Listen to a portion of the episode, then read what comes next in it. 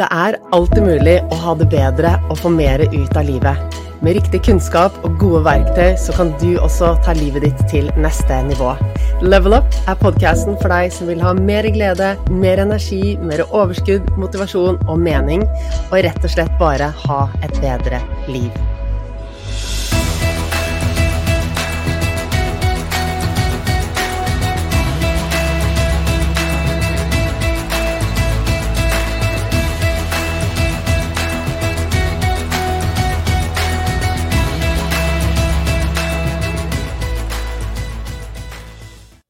Hva skal til for at vi kan prestere sånn som vi vil prestere, både på jobben, hjemme, i alle arenaer av livet?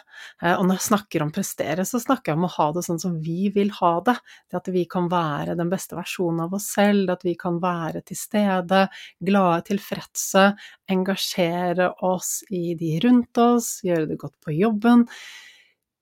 Når det gjelder prestasjon, så er det du selv som bestemmer hva prestasjon betyr for deg og i ditt liv. Og jeg bruker begrepet prestasjon veldig vidt. Det handler om hvordan du vil ha det. Men hvordan kan du komme dit, da, hvor du kan ha det sånn som du vil ha det? Det å fungere godt på jobb, fungere godt hjemme, med barn, med partner, det å være tilfreds, ha balanse og ha energi og overskudd i livet ditt er mulig å komme dit. Det er klart at det, det er ikke en quick fix, og det krever en liten indre opprydningsprosess. Og det å få litt mer klarhet og få gode verktøy. Men jeg unner alle å komme dit. Og i ukens episode så har jeg vært så heldig å ha med meg Anette Mette Bjerkehøy, som har gått gjennom denne reisen nå nylig og bare skjønt hvor utrolig mye potensial som ligger i oss når vi begynner å jobbe på innsiden. I denne episoden så deler Anette hennes reise, hva hun har opplevd, og hvordan livet er annerledes nå i forhold til før hun gikk gjennom denne reisen. Så jeg håper du koser deg med samtalen vår. Velkommen til Level Up, Anette. Så utrolig hyggelig å ha deg med. Takk. Tusen takk for at jeg får lov å være med, Anniken. Det er kjempegøy. Jeg elsker jo å dypdykke inn i eh, livene til alle dere som er her i universet, som lytter på podkasten eller går på kurs og alt det. Og da jeg fikk en e-post fra deg hvor du eh, delte en del om reisen din, så, så måtte jeg bare spørre deg om du kunne stille opp her. Veldig, veldig fint. Jeg gleder meg veldig. Ja, det har jeg også. Sånn før vi går i gang med samtalen, har du lyst til å si et par ord om hvem du er, bakgrunnen din, sånn at uh, lytterne kan bli litt kjent med deg? Ja, veldig gjerne det. Um, så jeg heter Anette, da. Er um, 41 år gammel blitt. Um, I dag så jobber jeg som uh, global leder i et relativt stort norsk selskap. Har en mann, uh, to små gutter på to og fire år, og så har jeg to bonusbarn i tillegg. Så, så vi er en gjeng her hjemme. Mm. Det hørtes ut som en hektisk hverdag.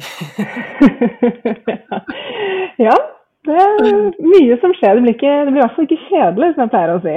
Vi har det mye gøy. ja, det tror jeg på. Det er jo sånn uh, Før man får barn, så, så har man kanskje sånn idyllisk eh, bilde av hvor, eh, hvor, fint det skal være for barn. Og det, ja, det er fint få barn, men man, det man ikke vet, som kanskje er bra før man får barn, er at det er en fulltidsjobb. Helt klart. Uten tvil. Du har det, det ledervervet du har, og har um, fire barn, da, egentlig, og familie, og alt det det innebærer, så vet du at du har mye på agendaen. Absolutt. Ah. Men det er bra. Men eh, jo, jeg fikk jo en e-post fra deg. Eh, du var jo med på kurset mitt i fjor, og har mm. siden det også bare fortsatt eh, utviklingen din. Så jeg er så veldig spent på å høre litt mer om den reisen du har vært på. Så hva var det som fikk deg til å bli med på kurset, og hvor sto du før, og hva er det som har skjedd siden da? Ja, det er um, Kan jo begynne kanskje for litt over et år siden. Um, da uh, skulle jeg tilbake, tilbake, i jobb etter uh, mammaperm nummer to. Um, fikk en ny stilling i det selskapet jeg jobber i dag, um, som var selvfølgelig litt mer avansert, litt mer global, litt mer kompleks enn den jeg hadde fra før av, og, selvfølgelig da mye nytt. Og jeg forsto fort at det, jeg må finne en god løsning på hvordan jeg skal finne en god balanse mellom jobb og familie. Fordi eh, jeg er en person som tradisjonelt kan bli ganske oppslukt i, i det jeg driver med. Eh, både familie og, og jobb. Og eh, det å da klare å få en riktig balanse hvor man er på en måte en ålreit person begge steder, man eh, klarer å prestere begge steder, og man har det bra underveis. Det skjønte jeg at det var, det var viktig for meg. Um, har uh, tidligere uh, også på en måte hatt uh, avanserte jobber, hvis man kan kalle det det, men, men hatt veldig mer tid uh, før man fikk barn. Og eh, kjenner meg selv såpass godt at jeg eh, har mye diskusjoner oppi hodet mitt som tapper mye energi. Jeg eh, ønsker å gjøre det veldig bra. Um, og eh, forsto på en måte at det er ikke sikkert at jeg henger sammen så veldig lenge hvis jeg ikke gjør noen endringer. Så da var jeg litt på søkende. Um, har på en måte vært innom andre ting tidligere. Mye yoga, um, litt meditasjon. Um, ja, og andre type altså, selvhjelpsbøker og det som er. Uh, men eh, oppdaget vel podkasten din på et eller annet tidspunkt for kanskje jeg vet ikke, litt over et år siden, halvannet år siden kanskje. I permisjonen så gikk jeg vel noen turer med, med podkasten din på øret. Um, og tenkte at uh, først kanskje at dette her er for godt til å være sant. Og så ble jeg selvfølgelig veldig nysgjerrig. og tenkte at uh, dette her må jeg prøve å undersøke litt mer hva er for noe. Um, og jo mer jeg lyttet til podkasten, og jo mer jeg leste om kurset, eh, Meibus-kurset, så skjønte jeg at det her det, det, blir i hvert fall ikke noe verre av å gjøre dette her. Eh, og det her kan potensielt gi meg masse. Så, så, det ble på en måte Jeg hadde et mål, selv om jeg på en måte sto i en ny jobb og en ny hverdag, så ble det et mål å gjøre det kurset ditt i tillegg. Uh, som kanskje der og da ble litt ekstra belastning, skal jeg være helt ærlig. For det er jo ikke noe du på en måte, det er jo ikke venstrehånds uh, greie. ikke en quick fix. Nei. Men samtidig så skjønte jeg at hvis jeg ikke gjør det nå, så, så blir det jo i hvert fall ikke bedre på lang sikt. Mm. Så, så, da hoppet jeg på, på, kurset ditt i fjor høst, og angrer ikke et sekund på det. Mm. Men det er så spennende. Jeg får helt gåsehud. Det, det, er det du sier, at ja, ok, du eh, du har hatt krevende jobber før, det har vært mye som har skjedd, men det når vi har barn inn i det regnestykket som, som er Du er på fra morgen til kveld, du har ansvar, det er så mye, mye å holde styr på. Eh, du har aldri helt fri. I tillegg så ønsker du jo å være deg selv, du ønsker å få mest mulig ut av jobben, du ønsker å gjøre det bra på jobben, du ønsker å være en god mamma og en god kjæreste og alle de tingene. og vi er jo ikke tilfreds hvis vi eh, kommer til kort på alle de arenaene vi er i, hvis vi bare liksom hangler gjennom arbeidsdagen og gjør en sånn halvveis eh, jobb fordi vi ikke har nok å gå på.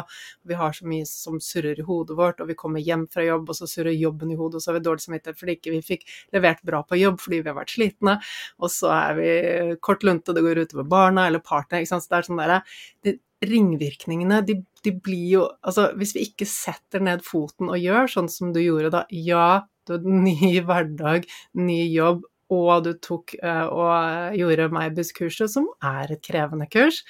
Uh, men du visste det at du hadde selvinnsikt nok til å skjønne at ok, hvis ikke nå, så blir det absolutt ikke bedre. De, de følgefeilene, de ringvirkningene av å ikke rydde opp, eh, både på innsiden og få mer klarhet i hvordan du skal eh, ordne opp utsiden, det vil bare gjøre ting verre og verre.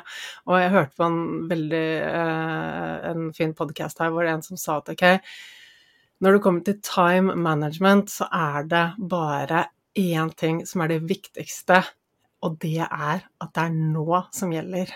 Mm. Og, og det er bare, bare Ja, Det er så Mm. sant. Mm. Mm. Og, og man må gjøre tøffe prioriteringer i den hverdagen som eh, mange av oss lever i. Da. Og det å stå godt i de prioriteringene og ha det bra i de prioriteringene, det var det som jeg skjønte at her er masse å jobbe med og masse å lære. Mm. Eh, og det å klare å være til stede, sånn som du sier, da, når man kommer hjem fra jobb og det er mange ting som skjer, og egentlig så burde du kanskje hatt et møte eller to, men det kan man ikke, for der er det barn som skal ha mat og ting som skal skje hjemme. Så uh, kan det, hvis man hele tiden skal føle at man ikke strekker til, så, så vil i hvert fall ikke jeg få noe bra. Eh, så det, det har vært uh, det har vært enormt stor endring for meg. Jeg var veldig tidlig klar på at jeg skulle, at jeg måtte gjøre noen prioriteringer. Det at eh, etter, etter jobb, fra fire-halv fem til barna var lagt, de minste barna var lagt, så, så er det i utgangspunktet ikke jobb for meg. Men det å på en måte stå støtt, stå med rak rygg og si det uten at du på en måte får noen vondter og, og syns det er grusomt og får en klump i magen og det som er, det, det var ikke jeg klar for for et år siden. Men eh, det, det skjønte jeg fort etter å ha begynt på Meibels-kurset at det, det, det må man bare. Og lære seg å stå, stå godt i det. Det, og da er man mye, da føler i hvert fall jeg at jeg er en bedre versjon her hjemme også, når, eh, når jeg gjør det på den måten. Mm, og det er kjempestor forskjell, ikke sant. Det å kanskje liksom skjønne Ja, det er lurt av meg å, å logge av jobb når jeg kommer hjem, men eh, det å faktisk klare det, det handler om at vi tar et bevisst valg. Vi ser at det er nødvendig, det er viktig eh, at vi tar et bevisst valg. Og som du sier, at du kan hvile støtt i det. Da, fordi at det, i arbeidslivet generelt i dag så er det en tendens til at alle er på hele tiden. Folk sender meldinger og e-poster til alle døgnets tider. Og så føler vi at vi må følge opp, vi føler at vi må svare. Mm. Eh, og forrige uke så fikk jeg en melding av en annen gründer som jeg også snakker litt med. og jeg hadde sendt henne en melding da på kvelden, jeg forventer jo aldri at folk skal svare, det var bare en melding. eh, Og hun bare sendte, svarte en dag natt på, på Hun bare 'Å, du, beklager at jeg ikke fikk svart i går, jeg var ute med en venninne', så sa jeg 'vet du hva'. Det er en menneskerett å legge fra seg telefonen og logge av. Jeg forventer ikke at noen skal svare før de er klare for å svare. Uh, så, og det tror jeg er viktig, men, men hvis, vi føler jo da, ikke sant, og dette henger sammen med selvfølelse også, vi alle har jo lyst til å please andre, vi, vi vil gjøre andre til lags, vi vil uh, være pliktoppfyllende å og gjøre det spesielt. Sjefen og andre kollegaer, skal, skal alle de andre kollegaene sitte og jobbe overtid mens vi sier nei, jeg skal hjem, ikke sant? Mm. Eh, vi, vi, vi skal ha jobbet ganske mye med oss selv før det, før vi kan hvile godt i det, rett og slett. Ja. Altså det føles, eh, det føles bra å ha på en måte jobbet konkret med det. Da. Og, det er, og det er jo som du sier, det er ikke fordi man skal, ikke skal gjøre en god jobb, eh, eller ikke skal være nok til stede, men det er rett og slett for å få gjort en god jobb, så er man, i hvert fall jeg, da, nødt til å sørge for at jeg har det bra i de prioriteringene som jeg, som jeg velger å, å ta. Da. Mm. Mm. Og hvis du ikke har det bra, så er det det tankekjøret hele tiden som går rundt det. Eh, tvilen, hva tenker de andre om meg, og jeg burde ha gjort det. Og Mm. det tankekjøret, det stjeler energien vår, det ødelegger konsentrasjonen. Og når vi først da er på jobb og skal jobbe, så er konsentrasjonen all over the place, ikke sant. Vi Mm. bare kveler. Mm. Og så har vi dårlig samvittighet fordi vi snappet på barna og ikke var til stede hjemme. Eh, og alt det stjeler fokuset, og det gjør at vi ikke får levert det vi skal på jobb. Og jeg, og jeg vet jo, jeg jobber med dette selv hver eneste dag. Eh, la meg si at jeg har, jeg har ennå ikke landet der hvor alt er i balanse, det kommer vi aldri til å gjøre, men jeg jobber veldig med å finne en sånn god rytme på når jeg jobber, når jeg ikke jobber, eh, når jeg er med meg selv eller med barn eller familien. Men det jeg ser, og det også forskning viser, er jo at eh, vi er ikke mer produktive hvis vi jobber flere timer. Nei. Det handler om å rett og slett gi hodet og kroppen gode pauser, og så være fokuserte eh, og konstruktive når vi faktisk jobber. Det er det som er det mest produktive, ikke det å sitte og trykke på kontoret hele dagen, nødvendigvis. Mm. Nei. Nei, en annen ting, vi kan snu det motsatt også, da, det er jo alt som skjer eh, hjemme før man drar på jobb. det er jo ikke alltid det er rosenrødt uh, hver eneste morgen og alle barnehageleveringer er picture perfect. Så, og det er jo da på en måte, som du også nevner i, i kurset, dette med å klare å, å få, altså, ha kontroll på sin egen state of mind. Da, at man tar ansvar for hvordan er det jeg nå eh, klarer å legge det bak meg, eh, og så komme inn i jobbmodus når man, man, kommer på jobb. Og ikke kaste bort halve dagen på å være frustrert og irritert uh, på det som skjedde på morgenen. Det, jeg tenker jo det er en, uh, det er en oppside da, for alle parter at man uh, får ryddet opp litt. Grann. Ja, så, så viktig. Og, og, og, hvor mange morgener er egentlig rosenrøde når du har to foreldre som skal rekke jobb, og barna skal av gårde i barnehage, og barn har jo ikke den samme eh, tidsforståelsen som vi har, ikke sant, og så var det eh, et eller annet som fanget oppmerksomheten, eller et eller annet ikke vil. Og du, du kan jo ikke rushe barn, du kan ikke forvente at barn skal forstå nå har vi dårlig tid. Eh, så, så, jeg har også jobbet mye med det da barna var mindre, og bare det, ok, lage mest mulig tid, være i forkant på morgenen sånn at den blir god, fordi at det, det å når morgenen starter med å, å pushe barna, eh, så blir det ja, En ting er at vi voksne kan legge det fra oss, da, men det eh, barna sitter igjen med når vi voksne blir kjeftete, og nå har vi dårlig tid og alt det, det ødelegger veldig for barn også. Så, mm. men, men, bare si det til alle her som har barn og alt sånt. Jeg har hatt mange stressende morgener hvor jeg har kjeftet på barn også. Så, så, det gjør vi jo, ikke sant. Men det å kunne minimere det så mye som mulig med å være forberedt dagen i forveien, jobbe med din egen tilstand. Okay? Hvordan vil jeg egentlig være med barna? Og det jeg ser, uh, som jeg også liksom har sett gjennom hele tiden med barna, og det er jo de gangene hvor det er viktig for oss voksne å rekke noe når vi gjør noe viktig, det er da vi blir stresset. For i vårt hode som voksne så er det den tidsfristen, det er det møtet, det er den bussen, eh, det er den middagen som skal lages. Vi er helt inn ett steg i forkant. Og det skaper jo det stresset. Og, og mm. min erfaring med mine barn, og de er jo, nå er de 11 og snart 13, og det er jo fortsatt sånn at eh, noen ganger så trenger vi at de er litt raske, og de er barn, og barn lever i sin egen verden. De skjønner ikke det. Og da må vi ned på nivået til barna, rett og slett, og bare forstå det at ok, her er det ikke noe sånn tidsbegrep, og det er vi voksne som drar en eller annen sånn en eller annen mal over hodet deres som vi prøver å putte de inn i som de egentlig ikke passer inn i. Og når mm. vi bare forstår det at ok, stresset oppstår når vi gjør noe viktig, når vi gjør det viktig å nå den bussen eller det møtet, når vi kanskje har laget hverdagen litt uh, tightere enn den kanskje bør være, um, eller den trenger å være. Det er ikke alle ting vi, vi, kan bestemme over, men der hvor vi kan liksom, komme i forkant og legge opp til at morgenene blir mest mulig rolig, så vinner jo barna veldig, og vi voksne. Og, og eh, barn og det, Nå har jo du jobbet gjennom Meibust, og da snakker vi mye om det å bygge selvfølelse. Eh, og ja, jeg har kjeftet på mine barn, jeg er ikke en perfekt mamma, men når barn blir kjeftet på, så føler de at det er noe feil med dem.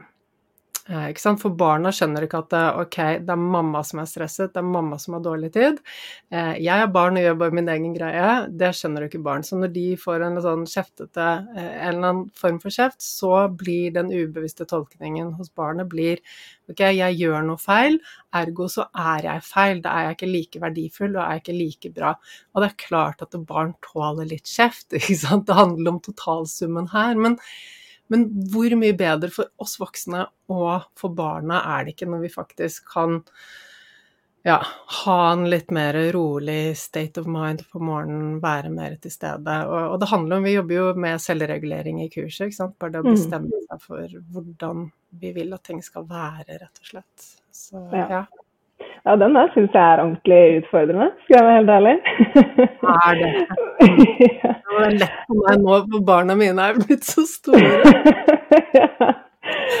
Men det er jo noe med det altså Det som i hvert fall kurset ditt har hjulpet meg med, er å forstå at det er en bevisstgjøring, man må starte der, og så er det eh, gjøre det steg for steg, for steg da, og, og, det at man eh, feiler en dag, som man gjør, i hvert fall jeg gjør. Um, så er ikke løpet kjørt, og så får man jobbe videre. Um, og det, det, viktig, det, har vært en viktig læring for meg, da. Å ikke liksom gå i kjelleren når man føler at bare åh, nå fikk jeg ikke til noen ting, og det, går det bra med disse barna og det som er. At man på en måte OK, men la oss se på hvordan kan vi gjøre det annerledes neste gang, og hva kan jeg lære av dette? Og så um, prøve å stadig vekk bli litt bedre. og gull! Det, er jo, det, og det er jo det beste. Jeg tror det er noe av det viktigste vi sitter igjen med kurset, det å kunne lære istedenfor å slå oss selv i hodet når vi føler at vi feiler. Eh, og jeg feiler, jeg også, ikke sant. Jeg har øyeblikk hvor jeg ikke er den beste mammaen, men jeg er veldig god på aldri kritisere meg selv eller dømme meg selv for det. Jeg er veldig god på å se ok, hva var det som ledet til at det skjedde? Jo, det er det og det. Ok, hva kan jeg lære? Jeg kan gjøre det annerledes neste gang.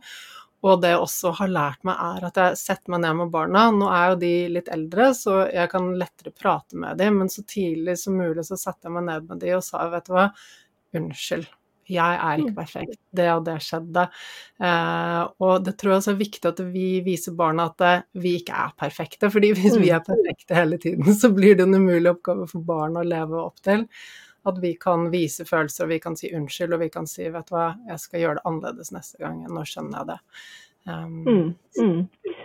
Nei, det har vært en veldig fin, fin læring for min del. Det å faktisk bare si unnskyld og fortelle litt hva som skjedde. Jeg, altså det er jo selvfølgelig bare til, til fireåringene jeg gjør det, men, og det må gjøres på en eh, light-versjon. Men allikevel begynne liksom i det små. da. Det trenger ikke å være så komplekst og komplisert hver gang.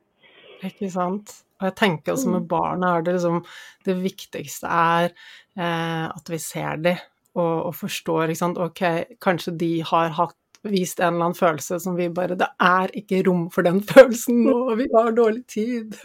En, vi skulle på fjellet for en uke siden, og da gikk min elleveåring helt i vranglås og lå på gulvet og slo i gulvet, for det var lopp, loppemarked på skolen, og hun ville ikke dra.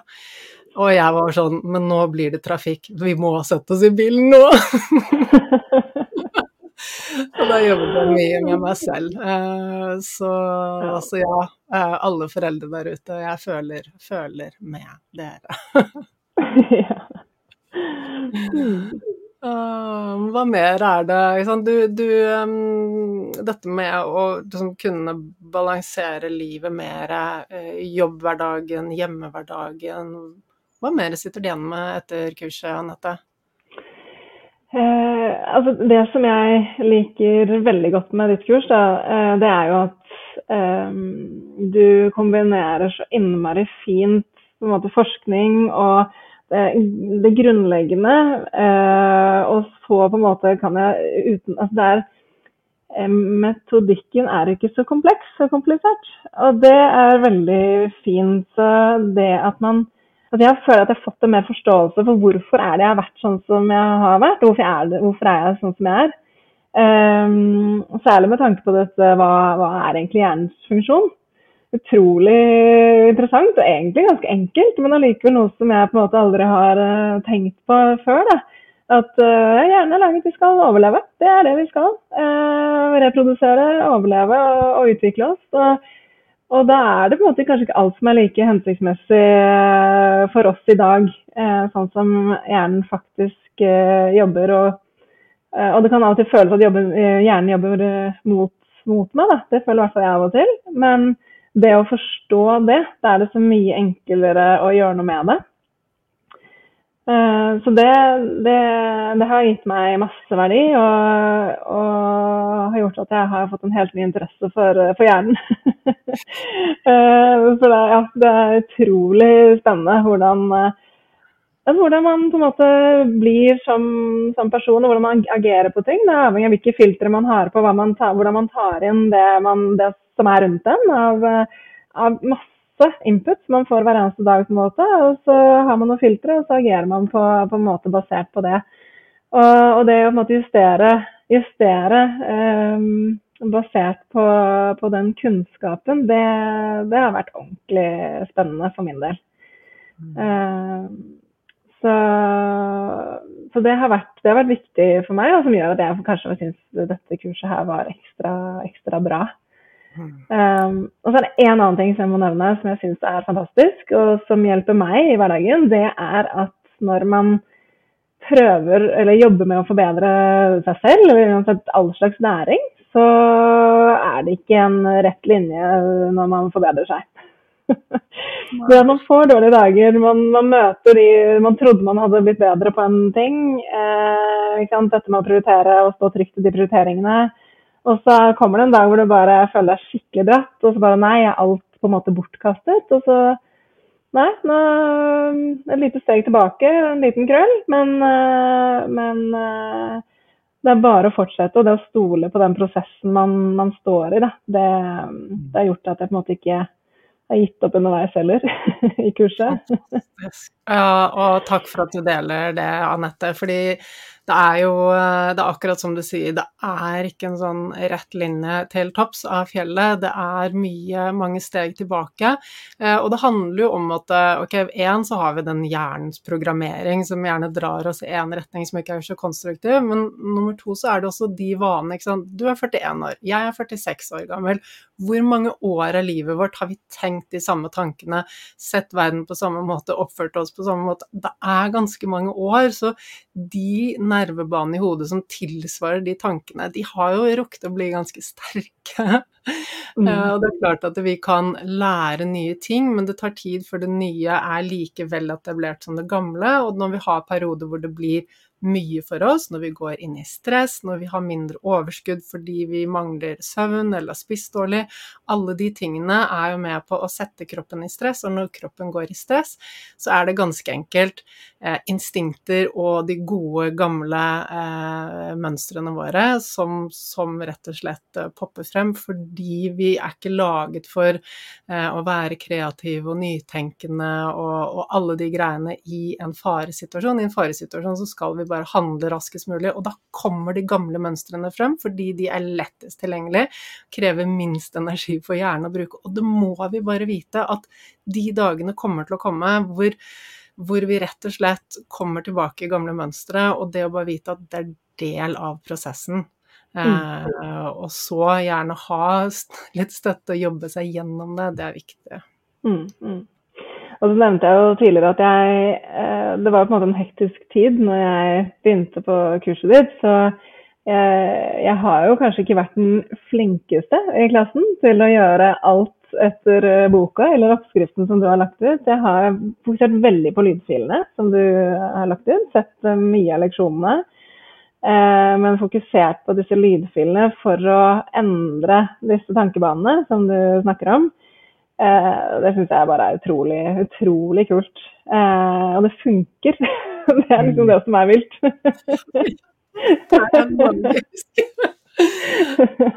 Men jeg, så, så jeg, liker veldig godt at du sier det, og så vil jeg gjerne at du bytter ut ordet flink, at du ikke har vært den flinkeste, for det har du. Eh, og jeg er veldig opptatt av at når vi gjør kurs Ja, det er klart at vi kan ikke ta kurs og forvente at endringen skjer uten at vi gjør en innsats.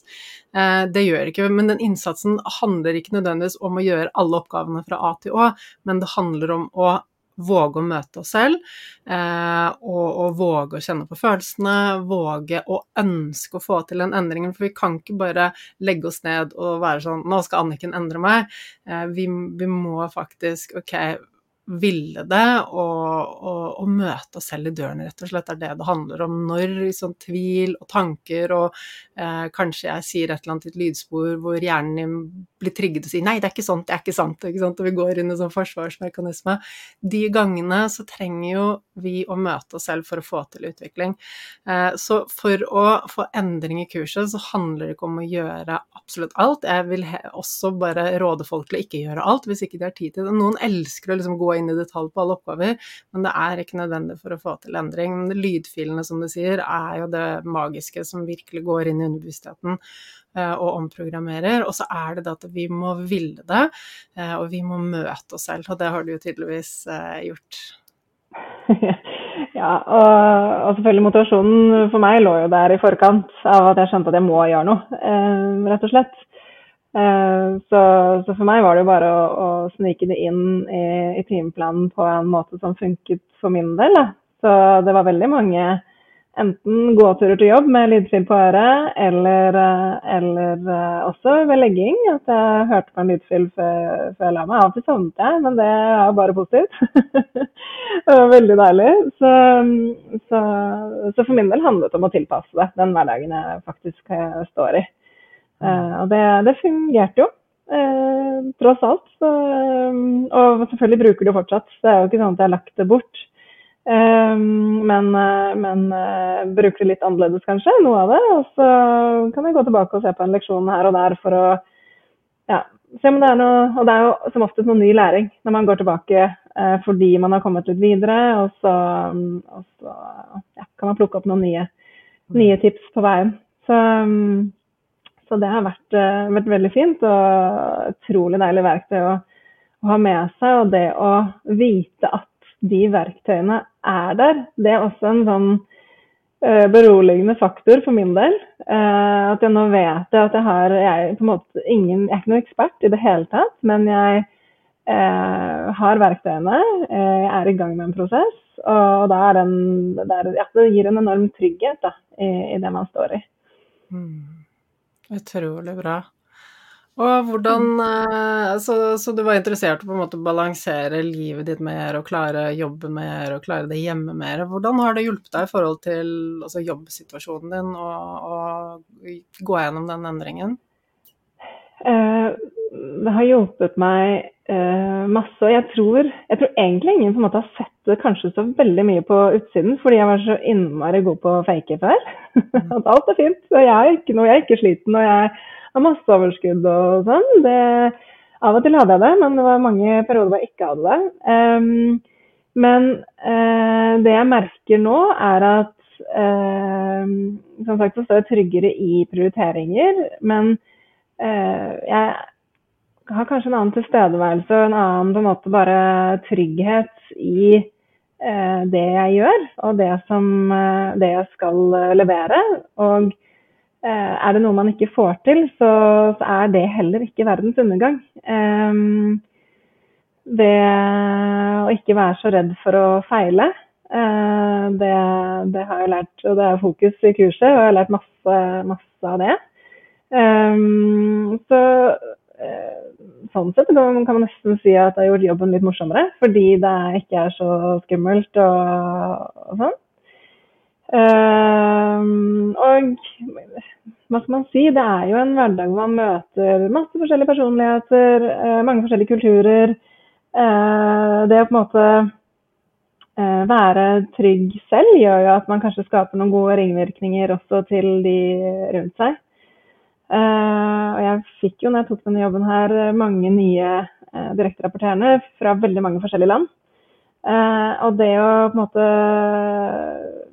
møte, møte med enda mer nysgjerrighet og, og egen trygghet, da, har, har, vel kanskje gjort til at ja, man uh, både hatt noen veldig fine, fine runder med, med, ansatte, at man har gode samtaler og så videre. Så eh, bare en eh, tilfredshet i hverdagen uten mm. at ting verken skalerer innvendig eller eh, blir veldig um, utfordrende. Ah. så bra. Tilfredshet i hverdagen. Og det er jo det vi alle ønsker, og så, og så bare vet mm. vi ikke hvordan vi skal få det til. Um, og veldig ofte så, så, bruker vi jo mange ukonstruktive strategier for å få den tilfredsheten som vi ønsker. Men, men det du sier her, er, uh, så deilig å høre på. Og sant, som du sier, ja, nei, men før så, så Det, det syns kanskje ikke så godt på utsiden, fordi før så var du pliktoppfyllende, du viste deg fra en bra side. Og vi ønsker å vise oss fra en bra side, og det er viktig at vi det, det, er fint på en arbeidsplass at vi bidrar positivt, men når det hele tiden handler om å liksom ta på seg en maske og yte mer enn det vi egentlig har kapasitet til, så går jo begeret tommere og tommere. Det er jo enormt energikrevende å late som versus å bare det er bra. Jeg er mm, til stede, jeg er avslappet.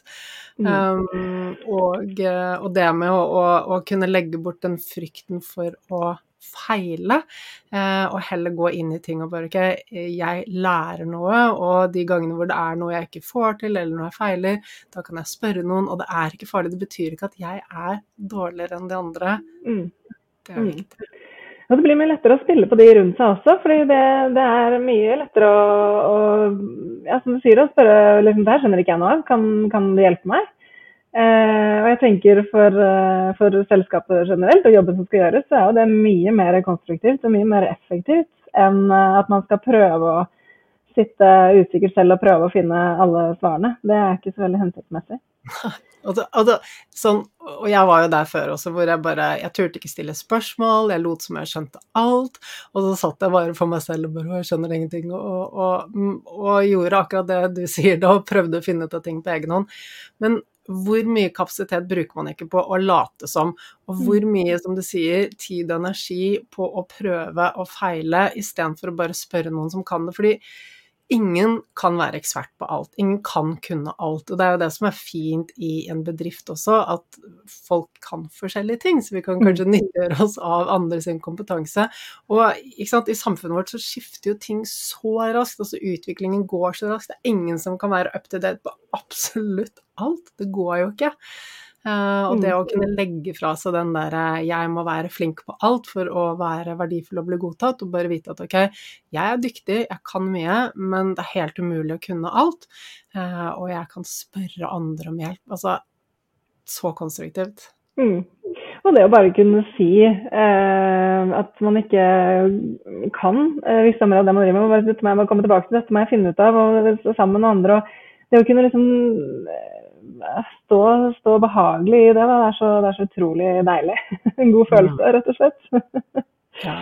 Så, og jeg, jeg, er jo overbevist om at um, jo flere som jobber med å finne roen uh, i seg selv, eller den selvfølelsen som du snakker om, uh, jo, jo, mer effektiv uh, vil man bli i arbeidshverdagen sin også.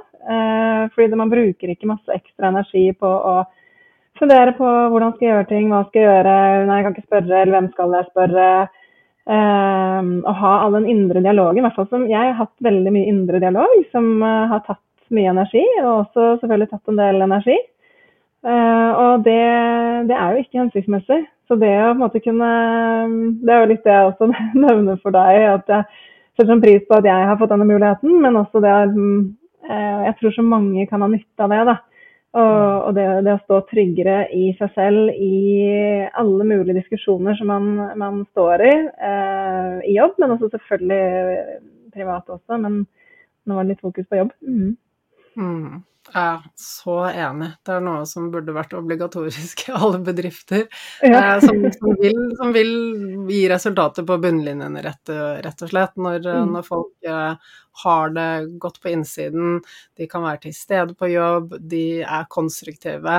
Eh, fokuserte. Det, det, er noe helt annet enn altså, og, og, det er jo sånn altså, Før så trodde jeg at det bare var jeg som var usikker, ikke sant? og som hadde masse mm. tanker før. Uh, og så begynte jeg å jobbe med dette og begynte å hjelpe flere, og så ser jeg at men det her gjelder jo det gjelder så å si alle. det er veldig få, veldig få som bare har gode tanker og, og er mm. til stede og sånn. Eh, det, det, skjer ikke med mindre vi har jobbet med oss selv på en eller annen måte. Og som du sa, ikke sant, og du drev med meditasjon og liksom prøvd masse forskjellige ting. Og, og jeg mener at det, jo flere ting vi gjør, jo bedre. Vi, vi, kan på en måte ikke bare si at det er én ting som fikser alt. Det er ikke bare mentaltrening, det er ikke bare meditasjon. Men alle de tingene vi gjør, eh, bidrar jo til at vi blir en bedre versjon av oss selv. Um, Eh, det handler også om søvn, det handler om mat, det handler om trening, det handler om mm. veldig mange ting. Mm. Eh, men den der mentaltreningsbiten, den, den, trenger alle. For det er veldig få som bare har konstruktive tanker. De fleste mm. er bekymret for hva andre tenker om dem. Og tenk hvor mye tid og energi som Hvis du bare ser på en, en, stor, en stor, global bedrift, da. Bare tenk alle menneskene som er der, og, og tenk på alle de som er der. Hvor mye av kapasiteten brukes på sånn derre tvilstanker og negativ tankekjør, og hva tenker andre om meg, og jeg burde ikke sagt det til Nei, altså Du kan fort bort den, all den tiden, så har man masse produktiv tid. Mm. ja. ja.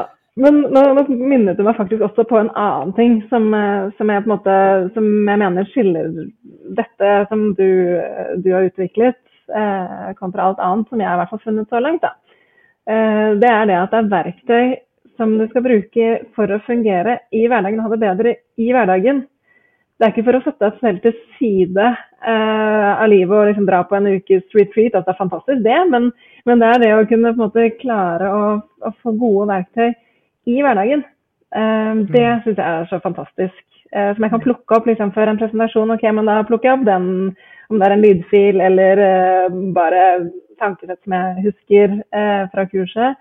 Um, eller uh, når det er, liksom barna er uh, litt utfordrende. Så uh, liksom plukket det opp i hverdagslige situasjoner. Du har klart å gjøre det så ekstremt relevant. da. Og det, det syns jeg er helt Altså det er hele forskjellen. Fordi vi er, vi, kan, vi er nødt til å leve i, i, denne verden. Vi er nødt til å håndtere det som, det, som, kommer, og den utviklingen vi står i. og da må man også ha gode verktøy i, i det, da. Mm. Ja, jeg er så enig, og det, det, er veldig lett når vi reiser bort og har fri fra jobb og unger og bare er på retreat, så er det veldig lett å ha gode tanker. ja. Sove godt og ja. så ja, det er, og det er, det er, det som er viktig, ikke sant. Sånn, I forhold til min meditasjonspraksis også jeg brukte mange år på i det hele tatt komme dit hvor jeg klarte å prioritere det. Og nå er barna mine eldre, så det er lettere. Men jeg setter av ti minutter på morgenen, og mm. veldig ofte kommer barna ned og liksom midt i meditasjonen. Men det handler ikke om at jeg skal ha en perfekt meditasjonspraksis, det handler om at jeg skal leve livet mitt så bra som mulig. Eh, og det er det som er viktig, som jeg sier når dere hører på lydsporene. Hvis barna krabber over dere eller forstyrrer dere midt i lydsporet, så er det helt fint, det er null stress, vi får endringen likevel.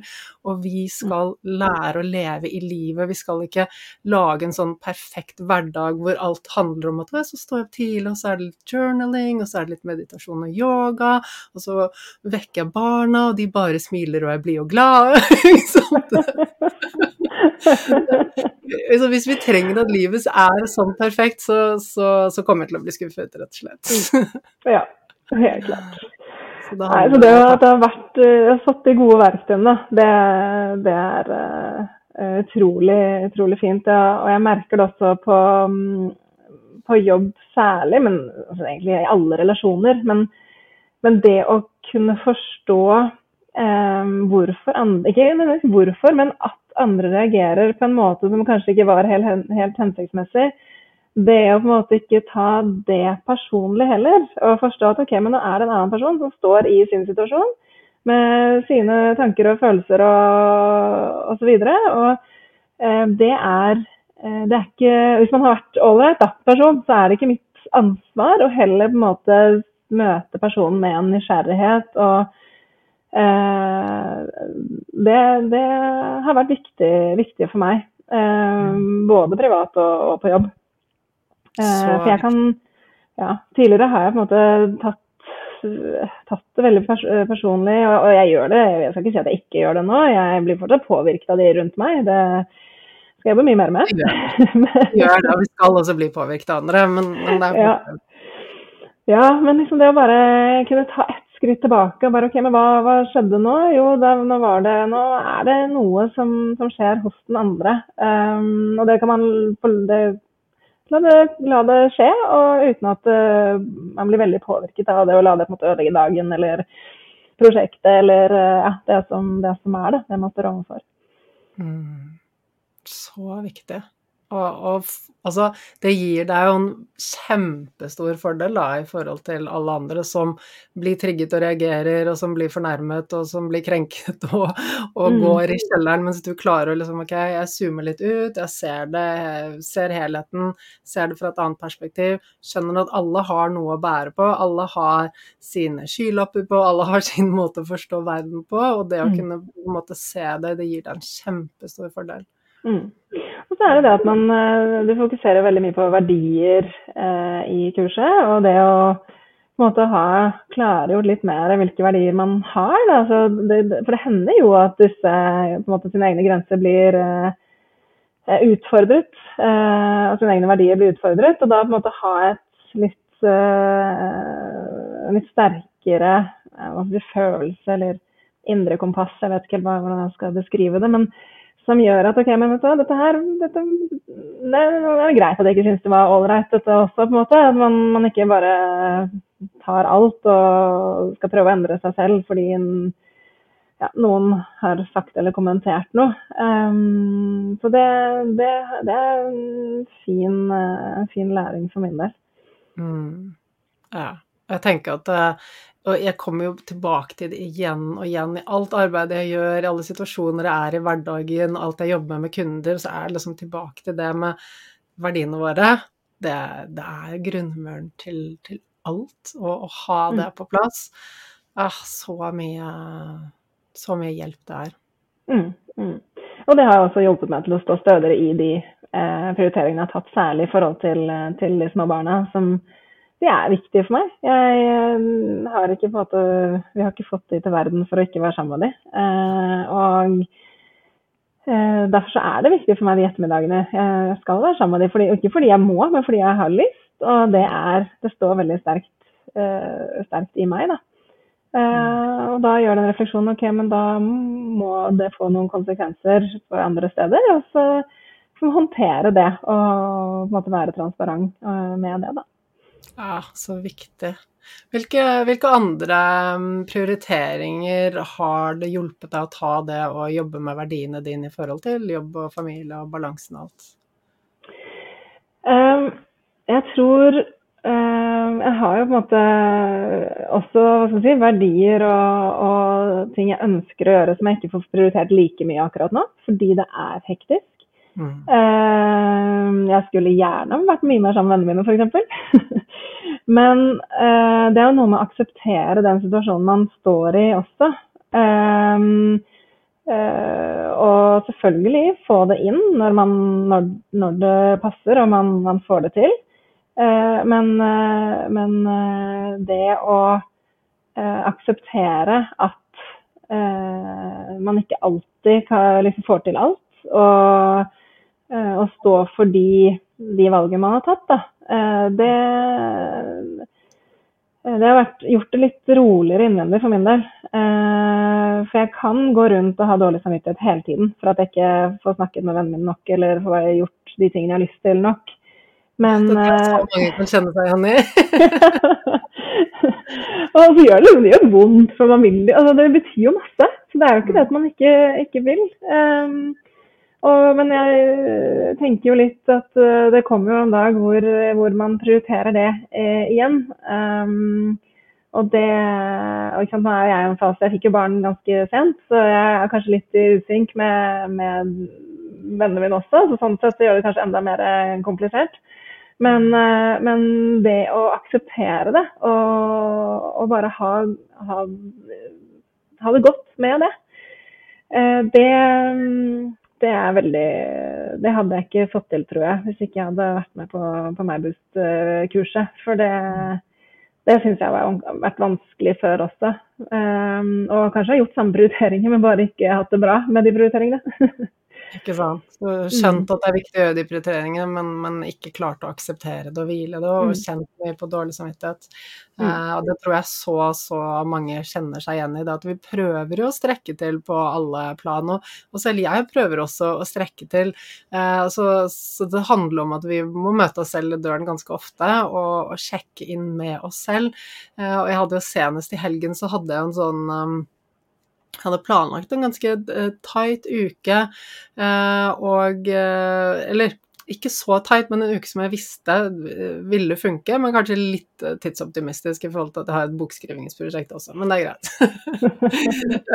sånn lærer man hele tiden, så, så, vi blir aldri helt ferdig utlært når det kommer til det. Og så hadde jeg Så jeg har nylig brukket armen, og, og det krever mer energi av kroppen min på å restituere seg. Og da er ikke formen Jeg har ikke like mye krefter som jeg vanligvis har, og, og så er mannen bortreist hele uken. Og vanligvis er det null stress. Altså, jeg pleier ikke å merke engang at han er borte, fordi at det, ting funker hjemme. Men plutselig så fikk jeg en sånn derre OK, jeg har en ganske tight uke.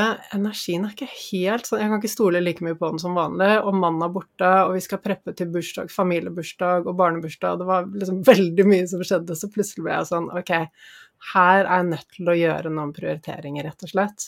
Uh, og, og, da kommer det også sånn Å, kan jeg kansellere det, eller kan jeg gjøre det? Så kommer det selvfølgelig dårlig samvittighet opp, ikke sant. Og jeg skulle mm. gjerne ha den avtalen, ja, kjenne på dårlig samvittighet, men det å kunne bare Det er ikke farlig om den dårlige samvittigheten kommer, da. Bare, bare møte den og bare si at ok, det er helt normalt, det er helt greit. Men hva er det som egentlig er viktig her? Det er jo at jeg har overskudd å gi noe til meg selv og til familien og, og mm. på jobben, og, og, da trenger jeg bare sørge for en, en god balanse. Uh, så vi er aldri liksom ferdig med å finne den balansen, eller kommer jo ikke til et sted hvor alt er på Fungerer som en dans på roser hele tiden, men det er den læringen hver dag da, hvor vi bare OK, ja, jeg er nødt til å gjøre noen prioriteringer. Og det skjer jo hele tiden. Og så er det sånn at når vi har vært gode på å prioritere lenge og bare har så mye energi og overskudd, så er det lett å dytte inn mer. Akkurat det. Og så er det, ned litt tilbake og litt frem. Men, men, det er læringen som er viktig, ikke sant? Ja. ja nei, uh, vi, det er litt morsomt fordi mannen og jeg, vi har Eh, vi er veldig glad i vannsport begge to, og så har vi drevet med litt forskjellig vannsport eh, før vi møttes. Og så eh, har vi hatt litt eh, del felles eh, etter vi ble gift, og, men også før vi fikk barn. Eh, og så ga vi hverandre Vi skulle gi hverandre noe sånn vannportutstyr til jul, for at dette skal bli vårt felles prosjekt nå. Vi, vi, har ennå ikke klart å liksom finne ut at vi skal, eller hvor, hvordan vi skal få tak i disse tingene. her, at Vi er så langt bakpå. Og så er det sånn, ok, men nå må vi bare leve av det, og så vet vi at det kommer en dag hvor vi skal prioritere det. Og det er, det står høyt på listen, men hverdagen har vi har ikke klart å få det til. Og det er sånn, ok, men da må vi bare akseptere det og le av det. For hvis man skal gå og irritere seg over det man ikke får til, det går heller ikke. Og så um, gleder vi oss da til den dagen vi får det til. Men, Men, det er bare intensjonen er jo kjempefin. At dere har små barn, og det er unntakstilstand. Men, og, og, jeg kan love deg at vi har så mange ting på vår liste her hjemme også som bare ikke blir gjort. Og det er som du sier, bare det å akseptere det. ikke Jeg får ikke gjort alt, men hva absolutt viktigst nå for at mm. dagen skal bli bra, og for at jeg skal bevege meg selv og familien min i retning av det livet vi ønsker å leve. ikke sant? Mm. Uh, og da kan, er det veldig lett å si ok, vannsportutstyr, kjempekult, det vil bidra med livskvalitet, men hvis det forringer livskvaliteten med å stresse med å få det til, ah, da er det kanskje ikke så hensiktsmessig. Vi skal få det til en vakker dag. hva, slags, hva slags vannsport driver dere med, og hva slags utstyr skal dere kjøpe? Nei, altså vi, har, vi har som mål å kjøpe oss som wing, wingfoil. Eh, for å kunne Vi har vært på windsurfing og kiting, men, eh, men det Så får vi se. Men eh, nei, vi har som mål å få det til før sommeren, så mm. vi må bare prøve å få det prioritert, rett og slett. Okay. Og da kan jeg si at uh, min mann er ivrig wingfoiler eh, og prøver å få meg med, men det har ikke vært rom i min timeplan ennå. Mm. Så, så, du er ikke den eneste. Åh, men det blir gøy den dagen man får det til. ja, blir du borte. Vinden og borte. ja. Og det er også viktig. altså Være litt tålmodig. Eh, kan ikke, man kan ikke få til alt, eh, alt, på en gang. Det er veldig mange morsomme ting man kan gjøre, men eh, det første først, rett og slett. Ja, men det å, liksom vite at ok, dere har en felles interesse, ah, så mm. utrolig bra. Eh, og det, det, sier jeg til alle som går inn i liksom det å få barn og den fasen der. Det er jo veldig lett at man bare går inn i survival i mange år, eh, og så kommer man ut på andre siden, og så er det sånn Oi, hvem er du, hvem er jeg, hva, hva er egentlig vårt forhold? Ikke sant? så det å, å, dyrke noe felles som ikke har med barn og familie å gjøre, det er kjempelurt. Men det må jo mm. ikke skje i dag. Og det er jo de drømmene, da. Man kan drømme sammen, og så mm. sørge for at det blir til virkelighet en, en dag. Gøy. Mm. gøy. Men uh, Anette, vi kommer til å se mer av deg i fremtiden, det vet jeg jo. Og du har også jobbet med din navnesøster uh, ja. Det, mm, det har jeg. Mm. Ja. Det har vært helt fantastisk. Hun er jo helt, uh, helt rå. Så det har vært en utrolig fin, fin læring for min del. Sånn fin, fin, støtte i tillegg til kurset ditt. Mm. Mm. Anette, Anette er super, superdyktig, så Mm. anbefaler alle å gå og booke time hos henne hvis man eh, har lyst på en prosess og utvikle seg. Hun er kjempe, kjempegod. Og så vet jeg også at du er så nysgjerrig på hjernen og det mentale at du bare skal lære deg mest mulig fremover.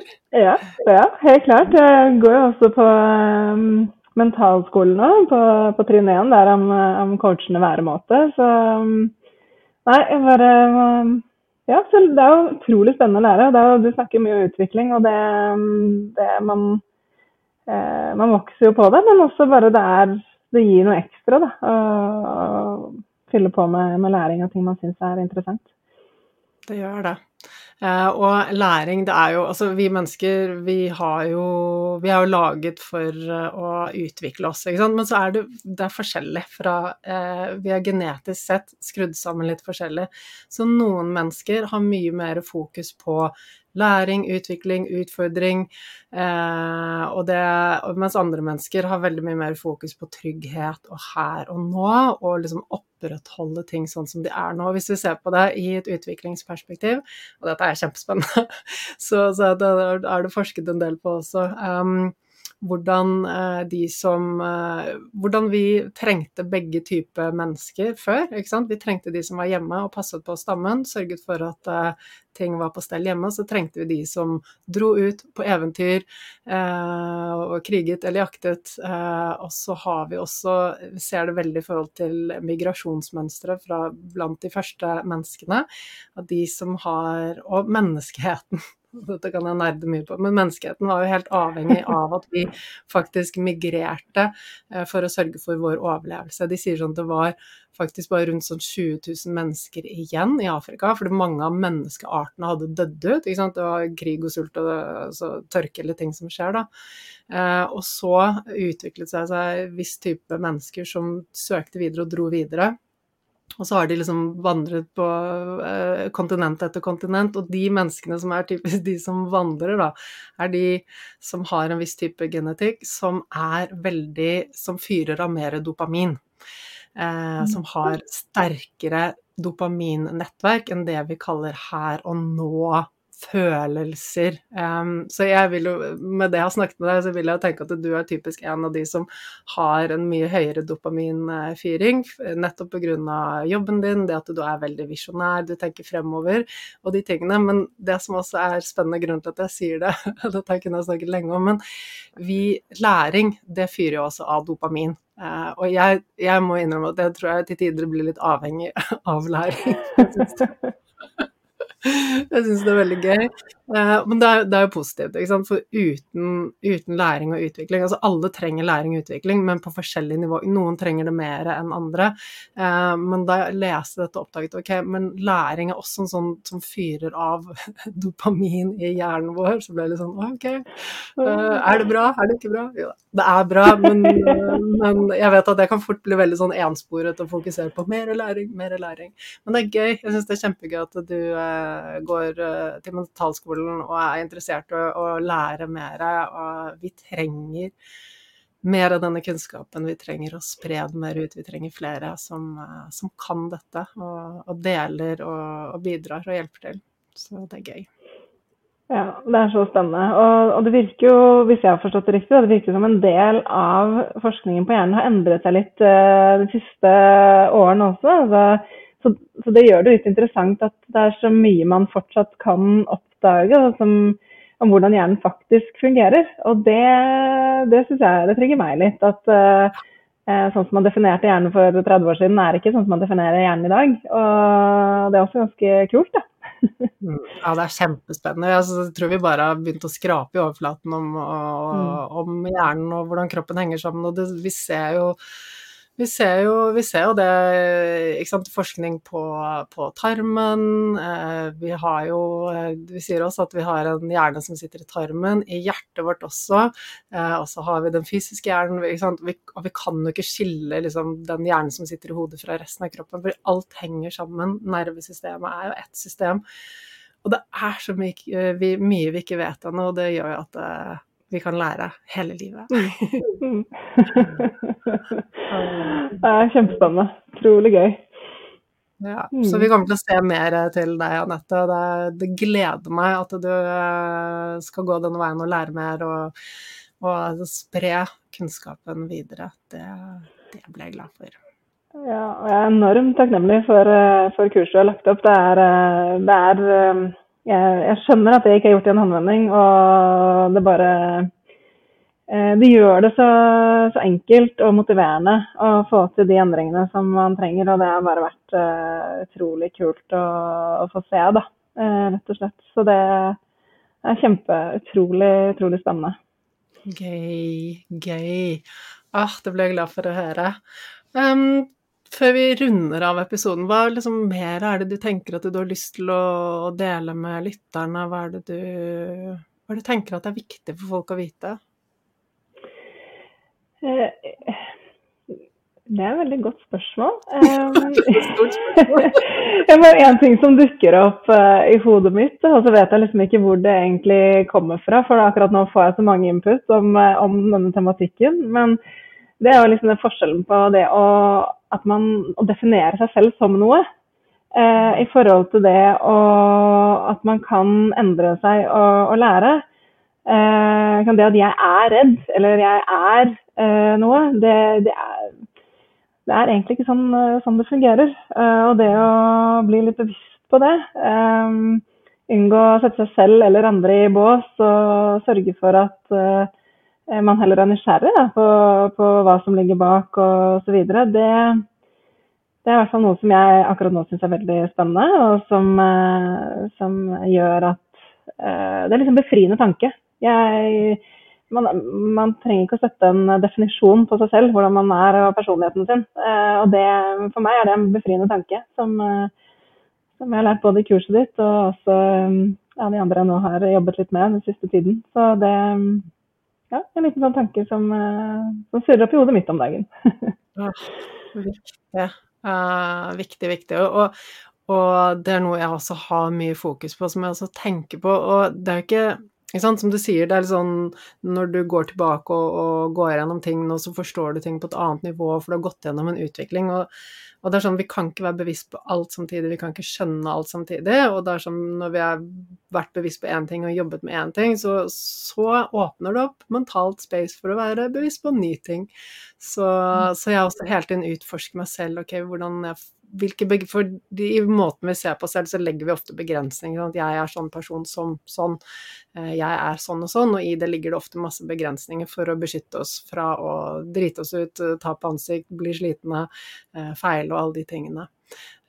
Så, så, jeg også går gjennom nesten daglig litt sånn nysgjerrighet på meg selv. Hvordan ser jeg på meg selv? Fordi det er sånn vi ser på oss selv, som, på oss selv, som rett og slett definere hvordan livet vårt blir, og hvilke muligheter vi har, hvordan vi takler situasjonen, hvordan vi takler livet, hvordan vi er mot oss selv og mot familien og, og på jobb og alt. Um, og det er jo Det er en prosess, men, ja. men så spennende å bli liksom bevisst på OK, jeg har, jeg har sett på meg selv på den måten hele tiden. Og så noen ganger så er det bare det å skjønne det som skal til for at man endrer og bare OK, men det mm. trenger jeg ikke. Jeg kan jeg kan selv bestemme hvordan jeg vil være, og så bare endre det. det mm.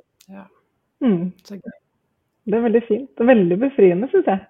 Det er så deilig med den tanken. den Bra. Tusen takk, Anette. Det var så fint å ha deg med. Og jeg vil gjerne ha deg med en gang senere når du har eh, jobbet mer, eh, kommet lenger i prosessen, lært mange ting. Plutselig har du noen nye ting som du har lært som eh, jeg ikke kan, som du har lyst til å bidra med på podkasten. Så du er hjertelig velkommen til å komme tilbake når som helst. Takk, takk for at jeg fikk være med. Kjempe, kjempespennende å prate med deg. I like måte. ha det bra. Ha det bra. Hva sitter du igjen med nå etter at eh, du har hørt samtalen jeg hadde med Anette? Hva betyr det for deg, for ditt liv? Hva kan du ta med deg av læring i forhold til de tingene som kanskje er viktige for deg? Kanskje noen ting eh, er relevant for deg, kanskje ikke alle ting er like relevant for deg. Vi er alle forskjellige og har ulike liv, men her er det så mye livsvisdom som jeg håper du tar med deg. Og så ønsker jeg nå at du bare lagrer all den inspirasjonen du har, og tar det med deg, og ser hvordan kan jeg bruke det på mitt eget liv? Hvilke, hvilke endringer kan jeg begynne å gjøre nå? Fordi det er mye vi får til bare ved å bli bevisste, og med å ha et ønske, med rett og slett ha et ønske om å gjøre en endring. Og husk det jeg sa, at det viktigste, viktigste verktøyet innenfor time management er det å huske på at det er den tiden vi har nå, som gjelder. Så med det så runder jeg av, og blir alltid, alltid like glad for uh, tilbakemeldinger inne i iTunes, for at du legger ut i sosiale medier når du lytter til episoden, hva du sitter igjen med episoden, så tagg meg gjerne. Og uh, så gleder jeg meg til å se deg neste uke. Ha det!